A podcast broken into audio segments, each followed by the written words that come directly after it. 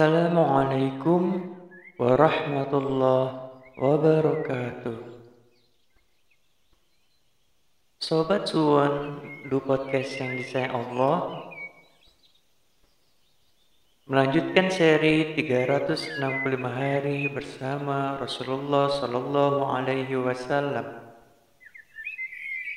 Hari ke-18 Berita Baik Muhammad sangat gembira di Yasrib. Ia menyukai negeri itu. Rasanya hari-hari di rumah pamannya berlalu dengan cepat. Suatu hari, ia duduk-duduk bersama pengasuhnya Ummu Aiman di kebun belakang.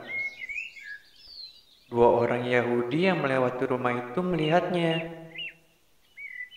Mereka mengamatinya dengan cermat. Sepertinya mereka menemukan orang yang mereka cari. Muhammad merasa tidak nyaman dengan tatapan mereka. Ia lalu bergegas masuk rumah. Ketika melihat Muhammad masuk rumah, kedua orang itu bertanya kepada Ummu Aiman, "Siapa anak itu?" Pengasuh Muhammad tidak mengenal mereka. Ia bingung karena takut dan khawatir orang itu akan mencelakai Muhammad. Ia kemudian bertanya, "Mengapa kalian ingin tahu?" "Jangan takut," jawab mereka. "Sepertinya ia adalah anak yang kami cari. Itulah sebabnya kami bertanya."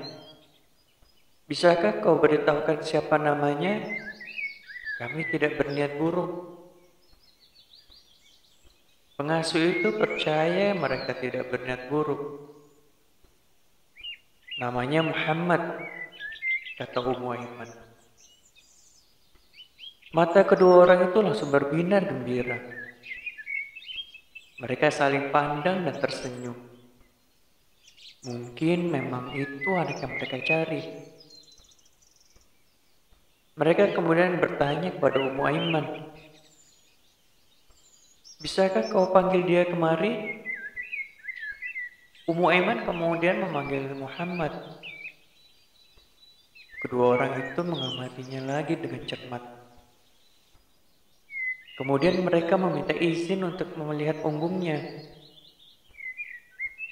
Di punggung Muhammad ada tanda lahir. Dengan gelisah, kedua orang itu berkata, Ya, memang dia. Ummu Aiman jadi tambah bingung. Salah satu orang Yahudi itu berkata, Anak ini akan menjadi nabi terakhir. Ia memenuhi penggambaran tentang nabi terakhir dalam kitab kami dengan tepat. Orang yang satunya menambahkan, Tanda di punggungnya adalah tanda kenabian. Setelah mengucapkan terima kasih kepada Ummu Aiman, kedua orang itu pun pergi. Jadi, tanda-tanda kenabian yang pertama ditemukan di Yasrib. Apakah pemimpin yang ditunggu-tunggu itu Muhammad? Semua orang penasaran tentang hal itu. Melihat Muhammad adalah suatu berkah yang sangat besar.